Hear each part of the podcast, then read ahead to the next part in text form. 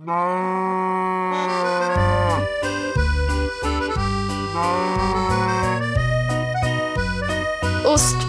Sommarsnacks.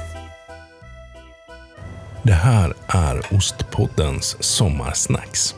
Och jag är Johan. Välkommen till snack nummer fyra. Till det här avsnittet har jag flyttat inte bara en utan två trappor upp. Från källaren och eh, jättespindeln som jag eh, slogs med där nere förra avsnittet.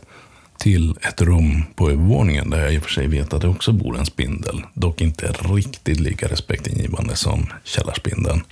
Här har jag inte heller någon värmepanna som slår av och på eller några kylar som surrar. Det som kan hända är att eh, min son i rummet bredvid får ett utbrott över någon förlust i Fortnite eller Overwatch.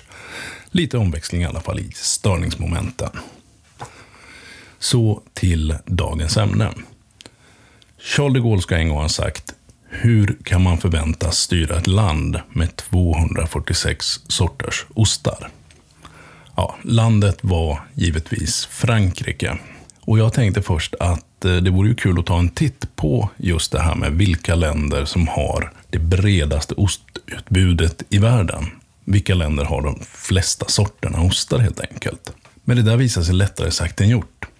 Och det kanske är för att eh, gränsen för vad som är en egen ostsort, så att säga, den kan ofta vara ganska suddig. Så eh, det var väldigt svårt att hitta någon bestämd statistik om just hur många ostsorter det fanns i olika länder.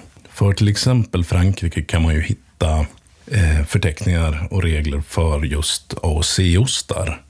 Men det är ju ändå inte en, det kompletta utbudet av ostar såklart. Så jag skippar den idén. Men statistik ska det bli ändå i det här avsnittet.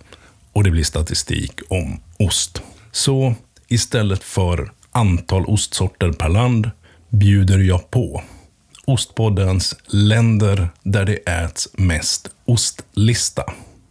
Och här toppar Danmark. Där den genomsnittliga dansken stoppar i sig strax över 28 kilo ost på ett år. Det låter ganska otroligt, men eh, so be it. Så är väl också danskarna ett av de lyckligaste folken här i världen. Det kanske förklarar saken. Efter Danmark då seglar Island faktiskt in. Där eh, man smäller i sig ungefär 27 kilo ost per islänning och år. Tredje platsen sen och brons går till Finland.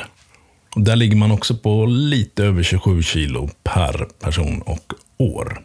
Sa jag att vi skulle köra en topp 5-lista, eller? Det gör vi i alla fall. Så på plats fyra har vi, äntligen, jag trodde aldrig de skulle dyka upp, men eh, här kommer Frankrike.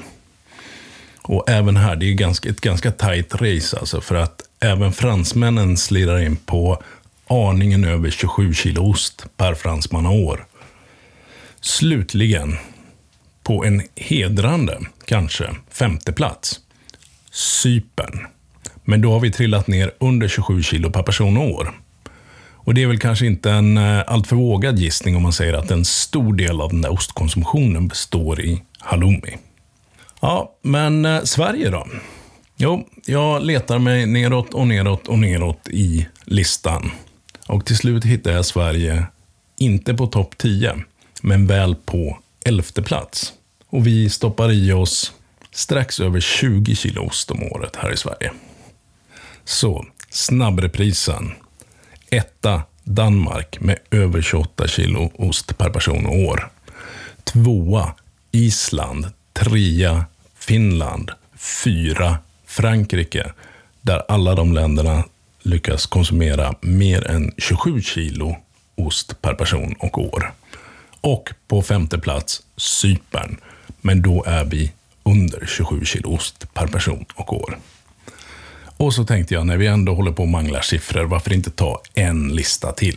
Så här kommer den andra. Och det är listan över vilka länder som tillverkar mest ost här i världen. Så här ligger det till med det.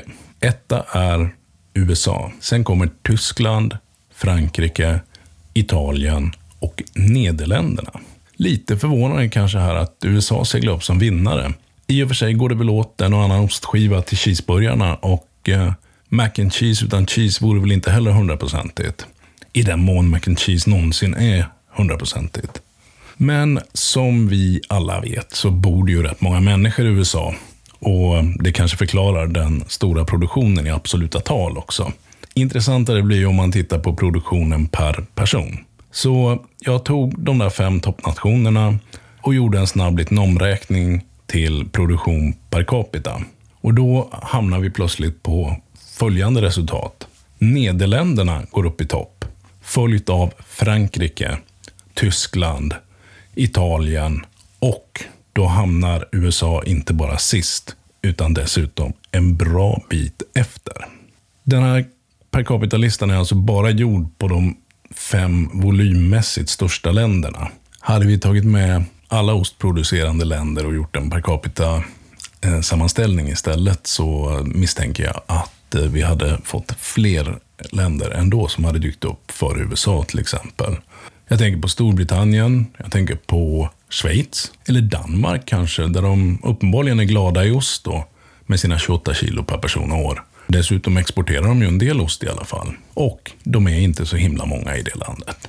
Sen undrar man ju var Sverige hamnar i en sån jämförelse. Ja, någon gång får jag kanske anledning att återkomma till det. Men det blir inte idag och det blir inte imorgon, för då är det annat på gång. Du har lyssnat på Ostpoddens Sommarsnacks. Ett nytt snack kommer imorgon. Kan du inte hålla dig tills dess, så håll ett öga på Instagram och Facebook också. Där händer det möjligtvis någonting redan tidigare. Annars, välkommen tillbaka imorgon och tack för att du har lyssnat. Ost på den sommarsnack.